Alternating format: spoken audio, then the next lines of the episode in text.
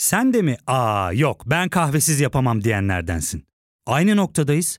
İlk ve tek kahve üyelik uygulaması Frink'le tanış. Hem bütçeni koru hem de hiç bitmeyen kahvenin tadını çıkar.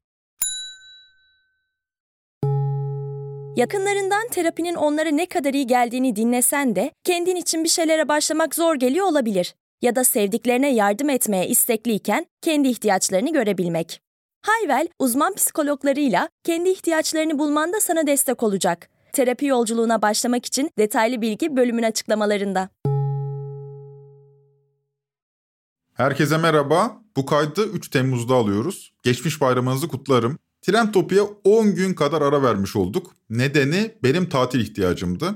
Soranların nezaketine teşekkür ederim. Son derece nazik, anlayış dolu bir yandan da Trend Topi'yi özlediklerini söyleyen mesajlar aldım. Trend Topik dinleyicileri genelde nazik insanlar. Nerede lan bu bölüm çıldırtma adamı diyenler de olmuş. Onlara da kurban olsunlar. Geldi işte bölüm buyurun. Siz de sosyal medyada paylaşırsanız işime gelir. Geride kalan 10 günde gündem bir hayli hareketliydi. Fransa karışık mesela.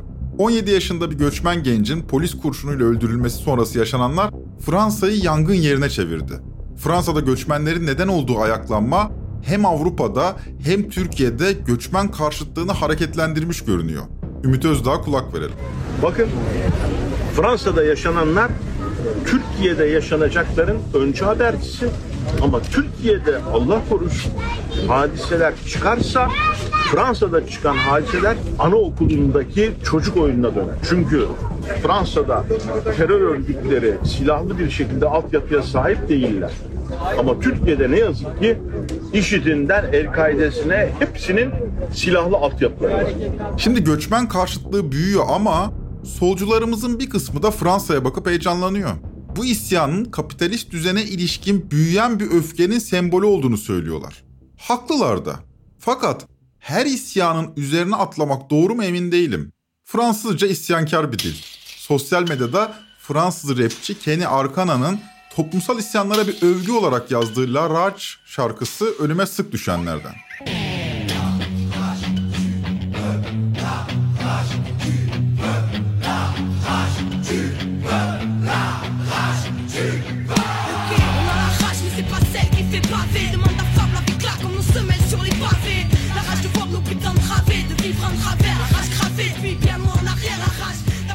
Fransızca konuşmak ifadesini ilginç bir metaforik anlatımla Mahir Çayan'dan öğrenmiştim. 68 kuşağının devrimci önderlerinden Çayan, devrimcilerin şartlar hazır olana dek Almanca, şartlar hazır olduktan sonra Fransızca konuşması gerektiğini söylüyor. Burada Almanca disiplini, taktik ve stratejiye bağlılığı, Fransızca ise isyanı temsil ediyor. Solcularımız ise bize isyan olsun da taştan olsun kafasında. Her isyan iyi midir? Her isyan halkların faydasına mıdır? Hayır. Ama Fransızcanın heyecan verici olduğu da ortada. Gündemin olanca hızıyla akışı bizleri bir tür debelenme halinin içine düşürüyor. Hiçbir gündemi layığıyla tartışıp sindiremiyoruz. Rafa kaldırdığımız konuları çözüme kavuşturduğumuz için rafa kaldırmıyoruz. Aslında kiraları konuşmaya falan devam etmemiz gerekirdi. Akut bir kriz yaşıyoruz ve kira işi çözülecek gibi de görünmüyor. Fakat işte geride bıraktık. Önümüze yeni konular konulduğu için eskileri rafa kaldırıyoruz. Normal şartlarda çözüme kavuşması hayati olan konuları çözmek yerine bu konular etrafında didişiyor ve sonra didişecek yeni konular buluyoruz. Alın mesela deprem gündemi. Tarihimizin en büyük felaketinin ardından daha birkaç ay geçti. Var mı elimizde önümüzdeki depremlere ilişkin bir hazırlık ya da bir plan? Yok, kocaman bir sıfır. Bu didişme halinin içinde argüman üretmiyoruz. Kişinin ne dediği değil, nerede durduğu önem kazanıyor. İçerik değil, biçim önem kazanıyor. Hal böyle olunca ağızdan çıkanı çarpıtmakta da bir sorun görmüyoruz. Böylece ahlaken çürüyoruz. Günün sonunda birbirimizin dediklerinden olmadık anlamlar çıkarıyoruz. Terörist mi acaba? Yetmez ama evetçi mi la bu? Irkçı mı yoksa? Belki de korkaktır. Hiç değilse cahil olduğu kesin. Cahil değilse de kimin ekmeğine yağ sürüyor acaba? Bunları rezil etmek gerekir. Ekmeğine yağ sürdüğü kesimlerden mamalanıyor kesin. Ne dedi bak? Elimizde bir hain dedektörü var. Bu dedektörle dolaşıyor, bu dedektörle yaşıyoruz. Dedektörü herkese gösteriyoruz. Bakalım ötecek mi diye. Bu bölümde geride bıraktığımız gündemi tararken hepimizin elindeki hain dedektörünü konuşacağız. Ben Ozan Gündoğdu, hazırsanız başlayalım.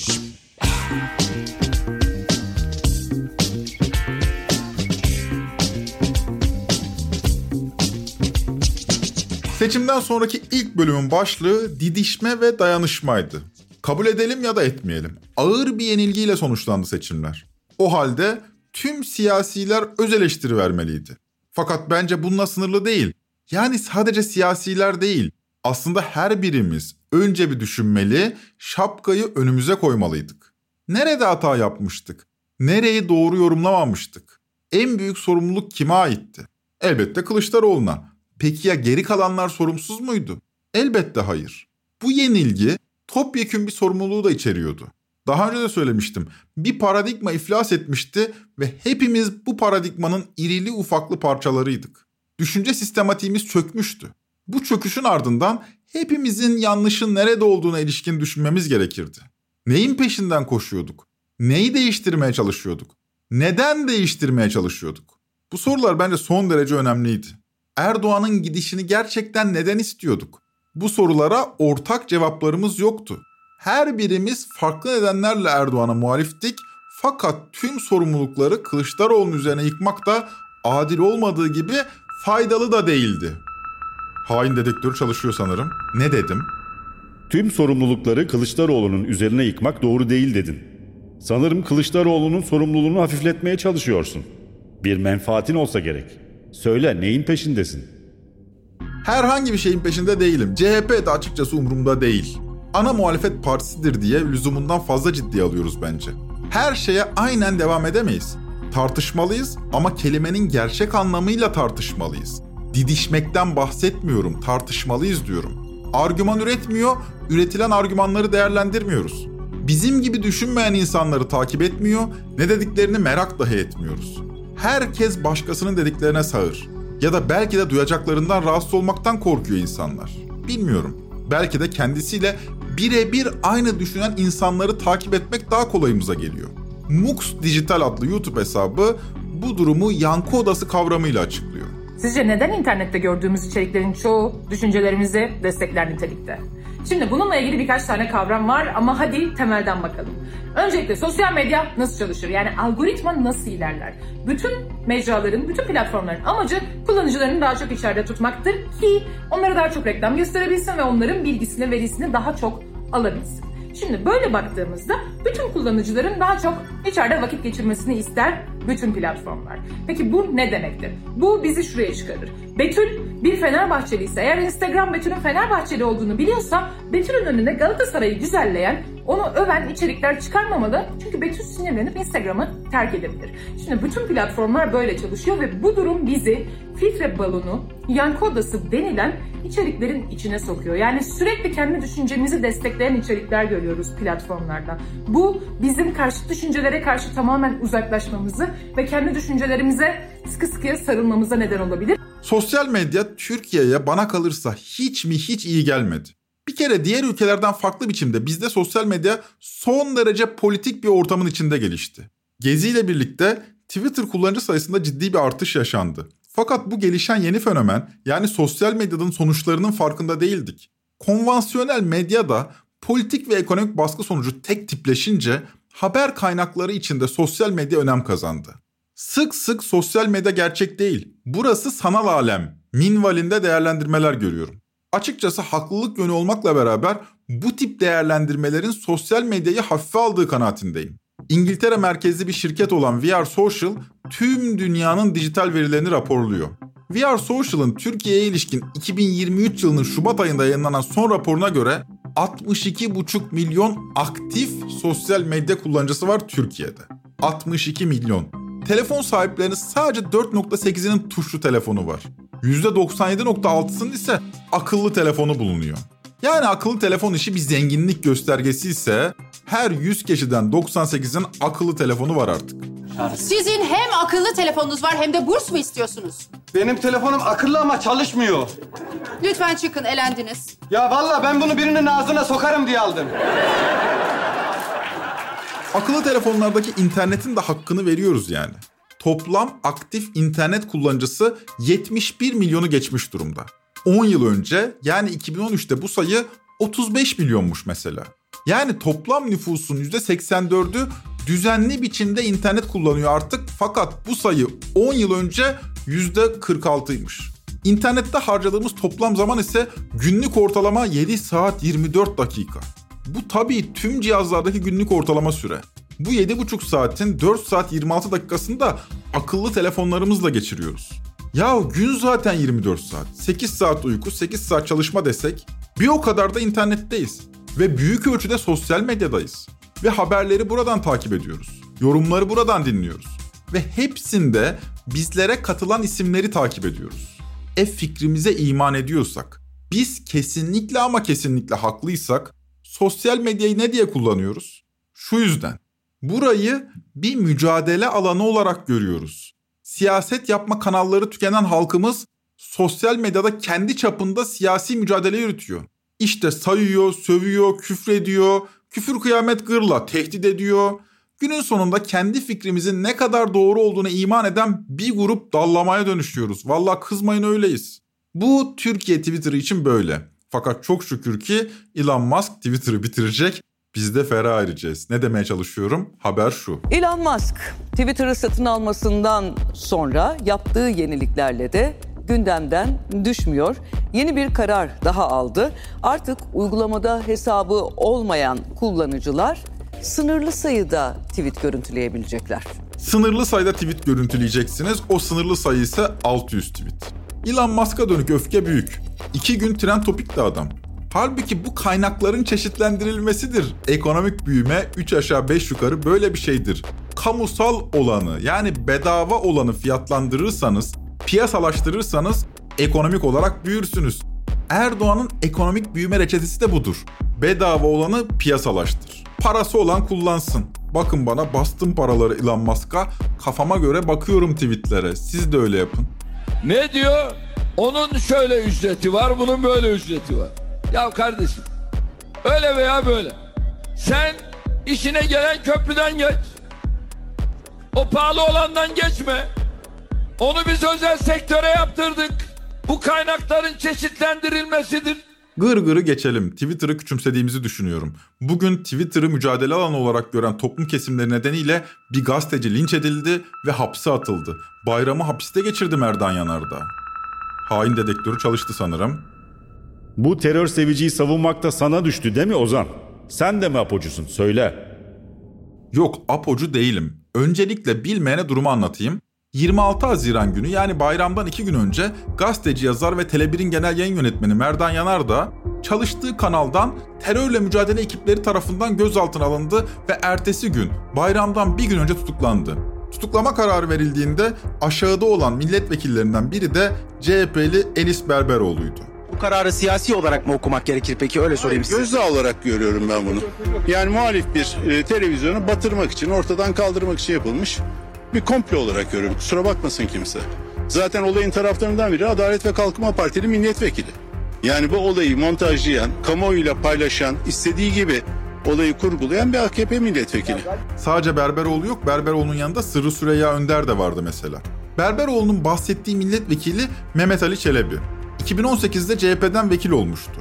Nasıl bir 5 yıl geçirdiysek artık 2023'te AKP sıralarından milletvekili seçilmiş ve Merdan Yanardağ dönük linç girişiminin de fitilini ateşleyen isim olmuştu.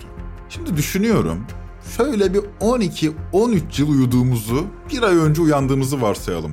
Biz uyuduğumuzda hem Merdan Yanardağ hem Mehmet Ali Çelebi balyoz ve Ergenekon davalarından tutuklulardı. Bir uyanmışız, Mehmet Ali Çelebi AKP milletvekili olmuş, Merdan Yanardağ linçletmenin peşinde. Nereden nereye? Peki neden linç edilmişti Yanardağ? Nedeni PKK lideri Abdullah Öcalan hakkında söyledikleriydi. Tele1'de Evren Özalkuş'un sunduğu 4 soru 4 yanıt programına konuk olan Merdan Yanardağ'ın gündeminde Galip Ensarioğlu'nun açıklamaları ve yeni bir çözüm sürecinin başlama olasılığı vardı. Aslında sadece Merdan Yanardağ'ın gündeminde değil, genel olarak muhalif medyada tartışılan bir hadiseydi bu.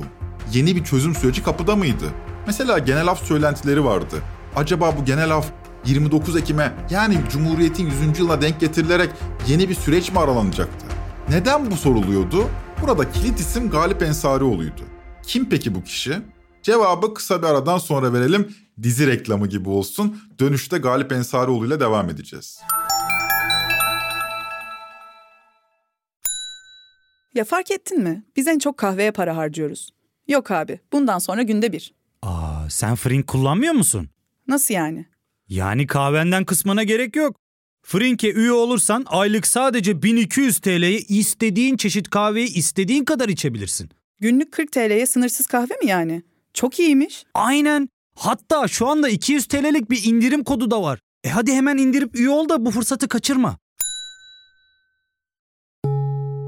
Terapiye başlamak, içinden çıkamadığın döngüleri kırmak, bazı yanlış bulduğun kararlarını değiştirmek ve kendinle beraber daha huzurlu bir yaşam inşa etmek için atabileceğin en değerli adımlardan biri. Hayvel ile yoğun yaşam tempona uyum sağlayarak online terapi seanslarını takvimine göre ayarlayabilirsin. Bini aşkın uzmandan sana en uygun terapisti seçebilir, podb10 koduyla indirimden yararlanabilirsin. Detaylı bilgi açıklamalardaki bağlantıda.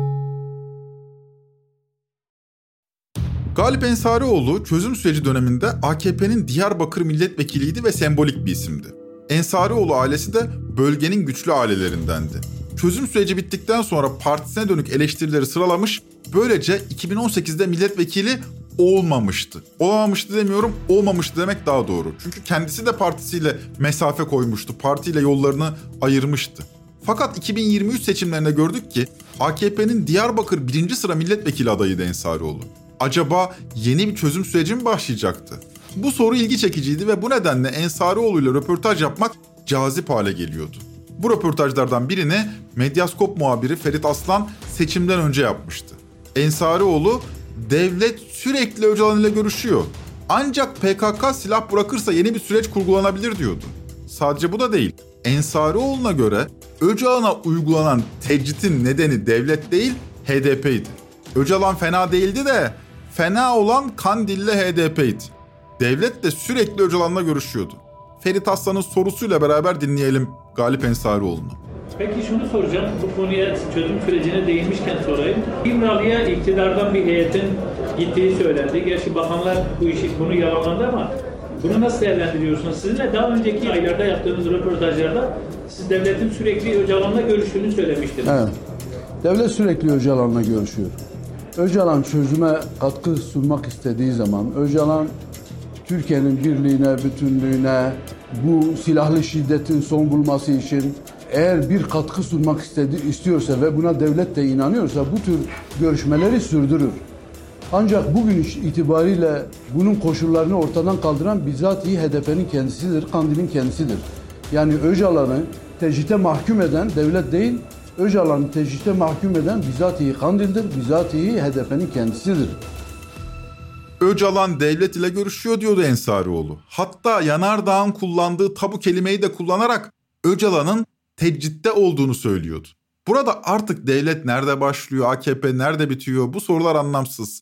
Devlet ayrı, hükümet ayrı diye teorik laflar ederiz ama günümüzün hakikatinde parti de birdir, devlet de birdir. Bunların hepsinde yöneticisi tek bir kişidir. O da Tayyip Erdoğan'dır. Ortada parti bile yok yani Erdoğan var. Fakat Erdoğan da her fırsatta şöyle demiyor mu? Biz terör örgütleriyle görüşme değil, onları inlerinde vurmakla görevli olduk. Ensarioğlu'nun devletin Öcalan'la görüştüğünü söylemesi tek çıkışı değildi.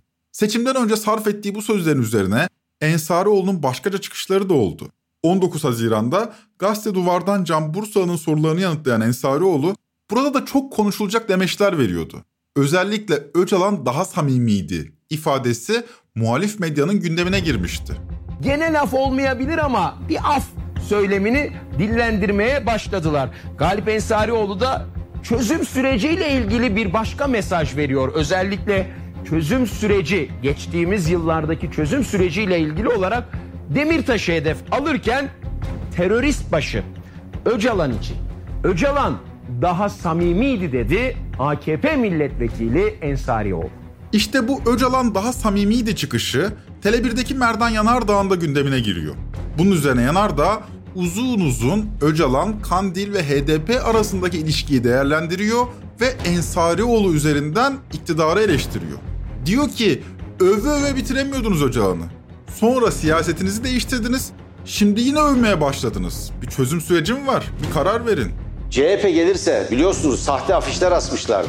Sana söz iktidara gelirsek Abdullah Öcalan'a af çıkaracağız. Bu ahlaksız broşürleri kim bastı? AKP'liler. Altında imza da yok. Alto Kemal Kılıçdaroğlu'nun fotoğrafı. E şimdi sağduyuluydu, akıllıydı, çözüm istiyordu. Abdullah Öcalan, Abdullah Öcalan iyidir diyen kim? AKP'liler. Bunlar bu kadar derin bir siyasi sahtekarlık içindeler. Takiyedir bu işte. Bu bütün siyasal İslamcıların siyaset yapma tarzıdır. Tabii bunlar Mehmet Ali Çelebi'nin paylaşımında yok.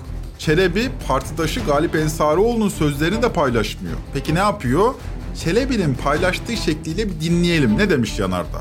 Şimdi İmralı'ya baktığımız zaman yani 70 yaşını geçmiş bir Abdullah Öcalan kabul etmek gerekir ki çok uzun süredir. Yani 25 yıldır hapiste, kesintisiz hapiste ve tecritte olan bir kişiden söz ediyorum. Türkiye'de en uzun süre yatan siyasi mahkum. En uzun süre yatan. Normal infaz yasaları geçerli olsa aslında serbest bırakılması gerekiyor. Ev hapsi vesaire. Abdullah Öcalan'a uygulanan tecritin hukukta hiçbir yeri yok. Kaldırılması lazım. Biz görmüyoruz, duymuyoruz. Tartışamıyoruz. O izliyor mu izlemiyor mu bilmiyoruz. Ailesiyle bile görüşemiyor. Avukatlarıyla görüşemiyor. Böyle bir infaz düzen olabilir mi ya? Şimdi bunların hiçbirini uygulamıyorsunuz Abdullah Öcalan için. Çünkü Abdullah Öcalan hafife alınacak birisi değil.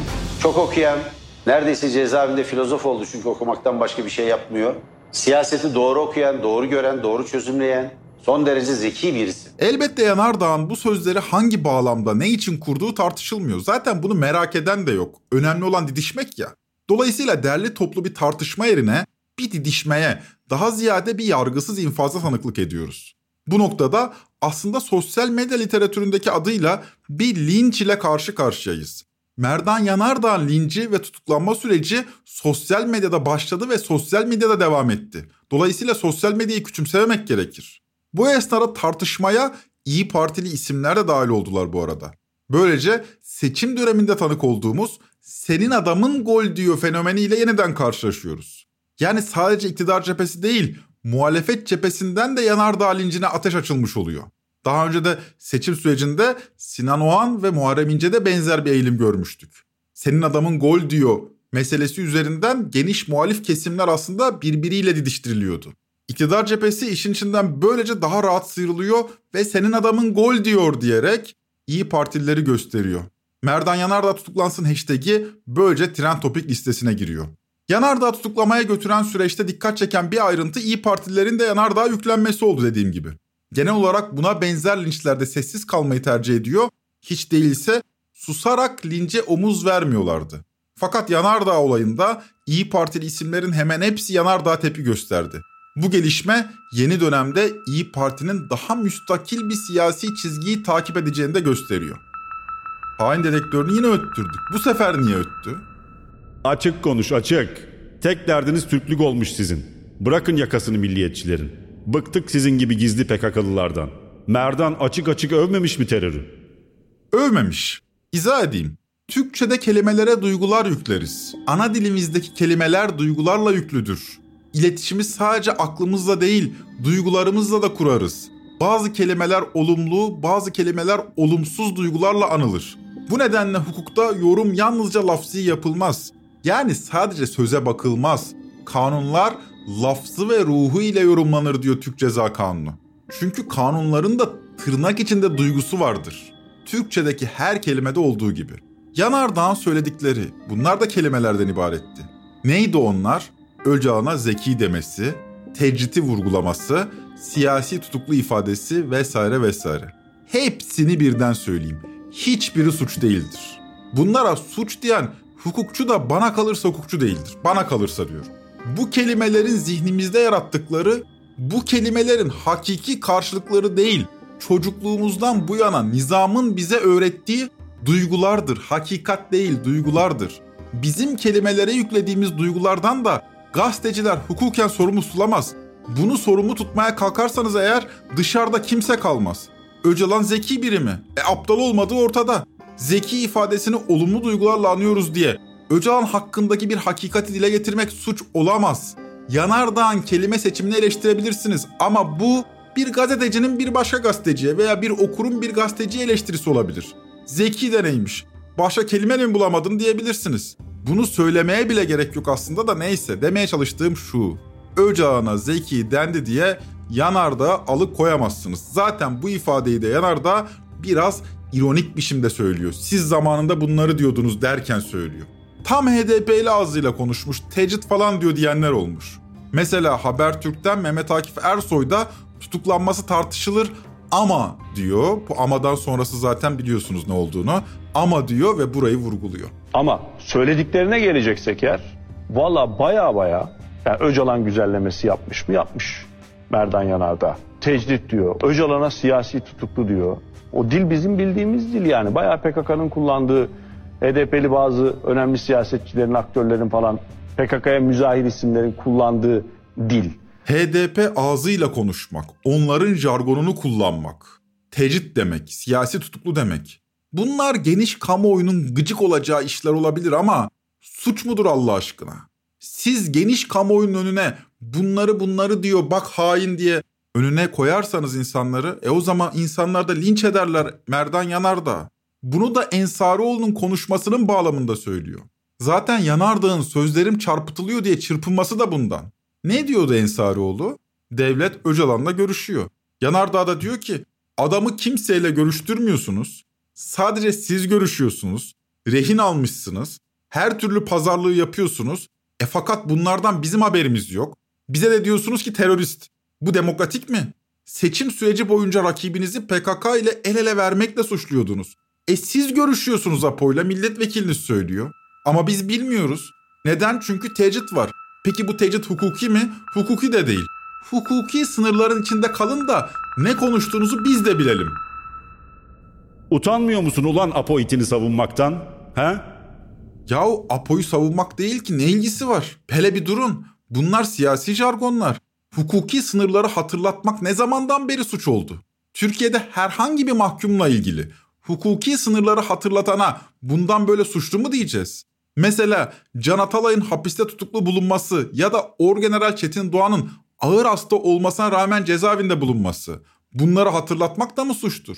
Gazeteci Kemal Can da Medyaskop'taki yayınında bundan bahsetmiş. Şimdi hep söyleniyor ya şöyle cümleler duyuyorum ben. Çok sık dile getiriliyor. İşte beğenirsiniz beğenmezsiniz. Aynı düşünmeyebilirsiniz ama Merdan Yanardağ'ın söylediklerinde ne var? Ya bu beğenip beğenmemekle ilgili bir şey değil ki. Basit bir şey. Diyor ki yani hani bunda hakikat olmayan bir durum da yok.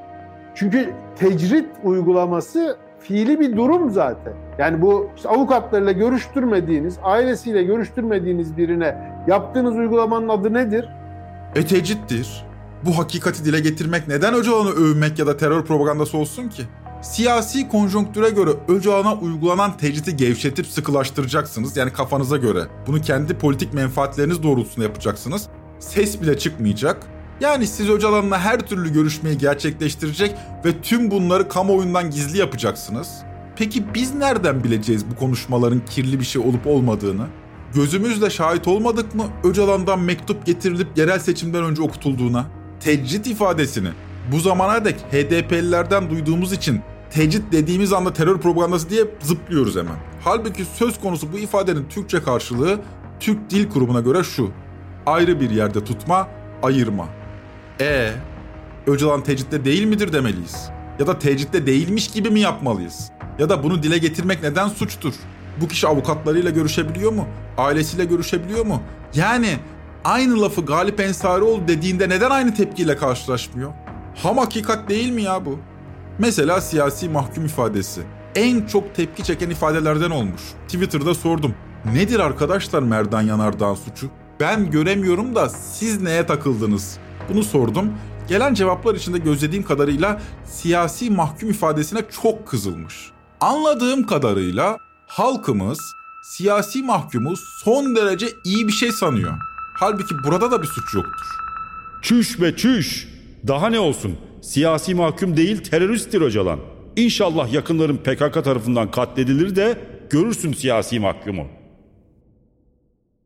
Bu gerçekten bana yazıldı sevgili arkadaşlar. Yani bu böyle alelade uydurduğum bir şey değil. Bunu yazan da sözüm ona milliyetçidir. Kendisi muhaliftir bu arada. Anladığım kadarıyla siyasi mahkum ifadesine olumlu bir duygu yüklüyoruz. Siyasi mahkum deyince böyle masum fikirleri nedeniyle boş yere hapiste yatan bir kişiyi anlıyoruz. Biz böyle anlıyoruz diye Merdan Yanardağ linç ediyoruz. Yani tepi gösterenler böyle anlıyorlar. Halbuki hakikat böyle değildir. Nedir hakikat? Bakın üşenmedim araştırdım. Türkiye Barolar Birliği dergisinde Faruk Tulinay imzalı Türk Ceza Hukukunda terör örgütü kavramı başlıklı makalede suç örgütlerini dörde ayırmış profesör. Bunlardan biri de terör örgütü.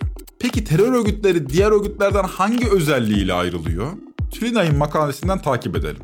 3713 sayılı Terörle Mücadele Kanunu'nun terör örgütlü başlıklı 7. maddesinde düzenlenen terör amaçlı örgütlenme suçu, diğer suç örgütü tiplerinden siyasi saik taşımasıyla ayrılmaktadır. Yani, yanisi şu, PKK çek senet mafyası değildir. Ceza kanunlarına göre terör örgütüdür. Öcalan da karın deşen ya da Kasımpaşa canavarı değildir. Suçu bellidir. Kanuna göre terör örgütü lideridir. Terör örgütleri de diğer suç örgütlerinden siyasi amaçları olduğu için ayrılmaktadır. Nitekim PKK'nın açılımı nedir mesela? Partiye Karkeren Kürdistan. Yani Kürdistan İşçi Partisi. Öcalan'a siyasi mahkum demek onu övmek değil, bir hakikati dillendirmek olur. Ona siyasi mahkum dediğinizde terörist değildir demiş de olmazsınız. Siz siyasi mahkum ifadesini seviyorsunuz diye bu sözü söyleyen gazeteci suçludur diyemezsiniz. Eğer siyasi mahkum değilse Erdoğan neden İmralı'daki Edirne'dekine haddini bildirecek demektedir? Şu anda Edirne'deki en büyük hesabı İmralı'dakine verecek. Zannediyor ki her yer şu anda toz pembe. Değil. Onların da kendi içinde ayrı bir hesaplaşmaları var. Ve bu hesaplaşmayı da yapacaklar. Hoşumuza gitsin gitmesin bir hakikati nasıl dile getirelim? Bu hareketin siyasi emelleri yok mu? Ulan utanmasan hümanist diyeceksin bebek katiline. Ne demek olduğunu anlıyoruz siyasi mahkum derken. Seni de çözdük Ozan. Senin rengini de anladık. Hain dedektörleri susmaz. Fakat sussa, bir sussa oturup tartışırız, fikirlerimizi dile getiririz. Tartışamıyoruz ki. Diyebilirsiniz ki takma. Yahu benim takıp takmamam mesele değil. Ben takmasam ne olur? Sosyal medyada üreyen bir lincin sonunda bir gazeteciyi hapse yollayabiliyorsunuz. Nasıl takmayalım? Televizyonda ters bir laf etsek, ertesi gün kendimizi hapiste bulabiliriz. Ya kimse de demez ki sen bunu derken ne demeye çalıştın? Bak montajladık, çarptık, çırptık, buyurun milletin önüne attık. Şimdi soruyorum, nasıl takmayalım bunu? Bu sadece benim de değil, bizzat halkın sorunudur. Gazeteciler seçtikleri kelimelerden sorumludur. Bu kelimelerin nasıl anlaşıldığı okuru ya da izleyiciyi bağlar. Üslubunu sevmiyorsanız izlemezsiniz. Tutuklamak ne demek? Tutuklansın diye kampanyaya omuz vermek ne demek? Dücane Cündüoğlu'nun bir tweet'i bu süreçte önüme düştü. Açıkçası çok hoşuma gitti. Şöyle diyor. Düşünmek diyor, yaygın kanıya göre değil, yaygın kanıya rağmen düşünmektir. Yani düşünmek dediğiniz şey öyle kolay bir iş değildir. Yaygın kanıya göre yapmayacaksınız bu işi. Yaygın kanıya rağmen de düşünebilmelisiniz. Dün yani 2 Temmuz'da Sivas katliamının 30. yılını andık. 30 yıl olmuş. Bununla final yapalım. Ben katliamın yaşandığı 93 yılında çocuktum. Üniversiteye başlayana kadar bu katliamın geniş kesimler tarafından amasız fakatsız lanetlendiğini düşündüm. Ta ki 2007 yılında Ankara'da kaldığım öğrenci yurdunda Sivaslı oda arkadaşımı görene kadar. Bu genç kişi Sivas katliamında saldırganların suçundan çok etkinliği düzenleyenlerin suçlu olduğunu söylüyordu. Kışkırtma vardı. Kışkırtan suçluydu. Hapiste yatanlar da mağdurdu. O günden bu yana bu kafayı anlamaya çalıştım. İlk kez duyduğum bir argümandı bu. Kışkırtma vardı Sivas katliamında. Zaten katliam dememek gerekirdi. Sivas olayları daha doğruydu. Kendisi dışındaki herkese sağır bir kafanın argümanıydı bu. Kendi fikrine tapan, kendisi dışındakileri tehdit olarak gören, bu memleketin asıl unsuru olduğunu iddia eden, kendisi dışındaki kimseyi gerçek anlamda tanıma fırsatı yakalamamış kasabalı bir kafaydı bu. Sonuçları ortada. Tarihimizin en travmatik katliamıydı Sivas'ta yaşananlar. Onlar da ellerinde hain dedektörleriyle geziyorlardı.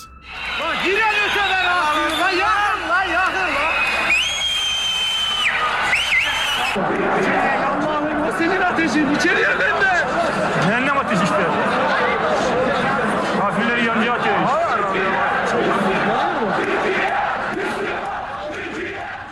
Hain dedektörlerini susturun.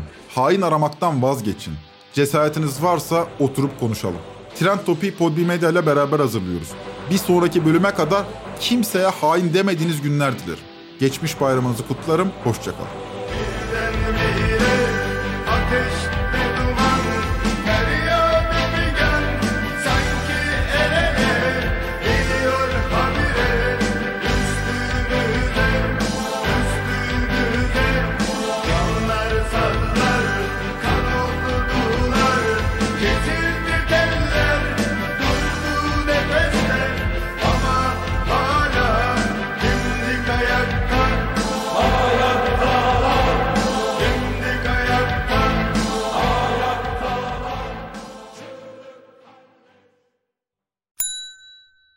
Ve tek kahve üyelik uygulaması Frink, 46 ildeki 500'den fazla noktada seni bekliyor.